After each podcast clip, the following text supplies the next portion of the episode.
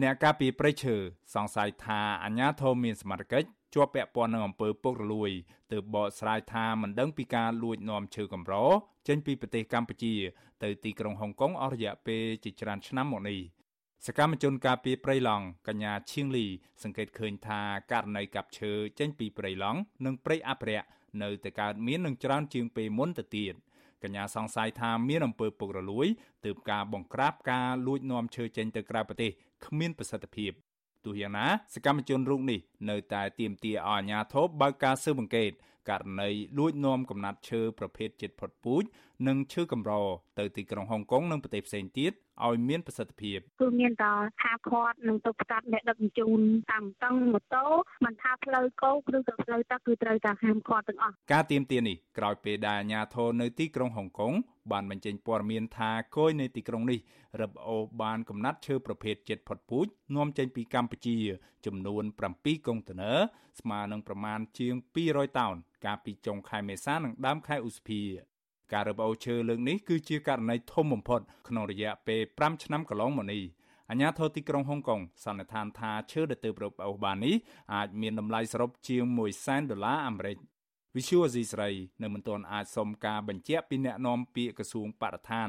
លោកនេតភក្ត្រានិងអ្នកនាំពាក្យក្រសួងកសិកម្មរុក្ខាប្រមាញ់និងនេសាទលោកស្រីវុធីបាននៅឡើយទេនៅថ្ងៃទី16ខែឧសភា តែលោកនេតភក្ត្រាបានប្រាប់សារព័ត៌មានក្នុងស្រុកថាក្រសួងបរិស្ថាន មានភារកិច្ចតែអភិរក្សព្រៃឈើនោះទេរីឯការនាំចេញឈើទៅក្រៅប្រទេសឬការដឹកចរាចរឈើគឺជាការងាររបស់ក្រសួងកសិកម្ម ក្រសួងកសិកម្មបានចេញសេចក្តីប្រកាសព័ត៌មាននៅថ្ងៃទី14ឧសភាថាក្រសួងមិនបានដឹងអំពីករណីនេះទេ តែយ៉ាងណាក្រសួងបន្តថាករណីចាប់ឈើនេះគឺជាករណីនាំចេញឈើខុសច្បាប់ ឬការរត់ពន្ធឈើខុសច្បាប់ព្រោះខាងក្រសួងមិនដែលអនុញ្ញាតឲ្យក្រុមហ៊ុនឯកជននាំចេញប្រភេទឈើរងការគំរាមកំហែងចេញទៅទីក្រុងហុងកុងឬក្រៅប្រទេសនោះឡើយ ក្រសួងកសិកម្មអះអាងថាកំពុងយកចិត្តទុកដាក់ស៊ើបអង្កេតស្រាវជ្រាវជាមួយក្រុមហ៊ុននិងស្ថាប័នពាក់ព័ន្ធដើម្បីស្វែងរកការពិត និងនាំអ្នកប្រព្រឹត្តឬអ្នកពាក់ព័ន្ធទៅទទួលទោសតាមផ្លូវច្បាប់អ្នកការពីប្រៃឈើស្វាគមន៍ការស្រាវជ្រាវរកការពិត និងអ្នកប្រព្រឹត្តល្មើសនៅក្នុងរឿងនេះក៏ប៉ុន្តែពួកគេទាមទារឲ្យអាជ្ញាធរស៊ើបអង្កេត និងបង្ហាញលទ្ធផលឲ្យបានលឿននិងគម្រុញការទទួលខុសត្រូវដាក់គ្នាជាបន្តទៀត សកម្មជនប្រៃឈើលោកហេងស្រស់ពន្យល់ថាអាជ្ញាធរ3ស្ថាប័នដែលជាប់ពាក់ព័ន្ធទៅនឹងរឿងនេះគឺក្រសួងបរិស្ថានជាអ្នកការពារប្រៃឈើក្រសួងកសិកម្មមានសិទ្ធិដឹកជញ្ជូនឈើរីឯអគ្គនាយកដ្ឋានគយនឹងរដ្ឋកោកម្ពុជា គឺជាអ្នកទទួលខុសត្រូវលើការនាំចេញអ្នកការពីប្រៃឈើរុងនេះសង្ស័យថាក្រុមហ៊ុនឯកជនធំមួយ ដែលមានអាជ្ញាប័ណ្ណប្រកបអាជីវកម្មប្រៃឈើត្រឹមត្រូវគឺជាអ្នកលួចនាំឈើកម្រទាំងនេះចេញទៅទីក្រុងហុងកុង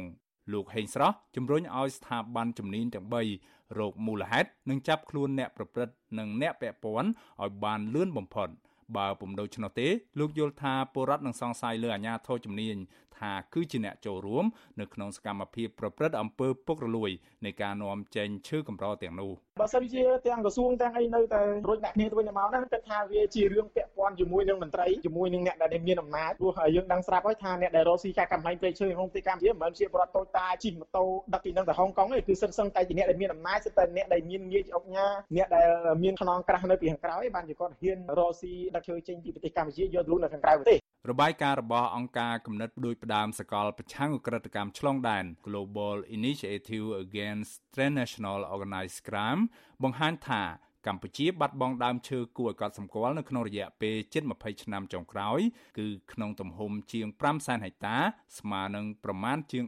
10%នៃតំបន់ការពារធម្មជាតិ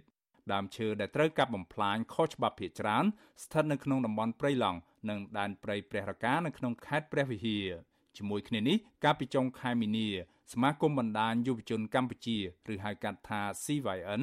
បានរកឃើញថាការកាប់បំផ្លាញព្រៃឈើនៅក្នុងព្រៃព្រះរកាភាគច្រើនគឺសំដៅទៅប្រភេទឈើកម្រនិងប្រភេទឈើមានតម្លៃថ្លៃដូចជាឈើទាលស្ទៀងផ្ដៀកពពែល ផ្ចឹកឧត្តមគិរី និងសុក្រំជាដើម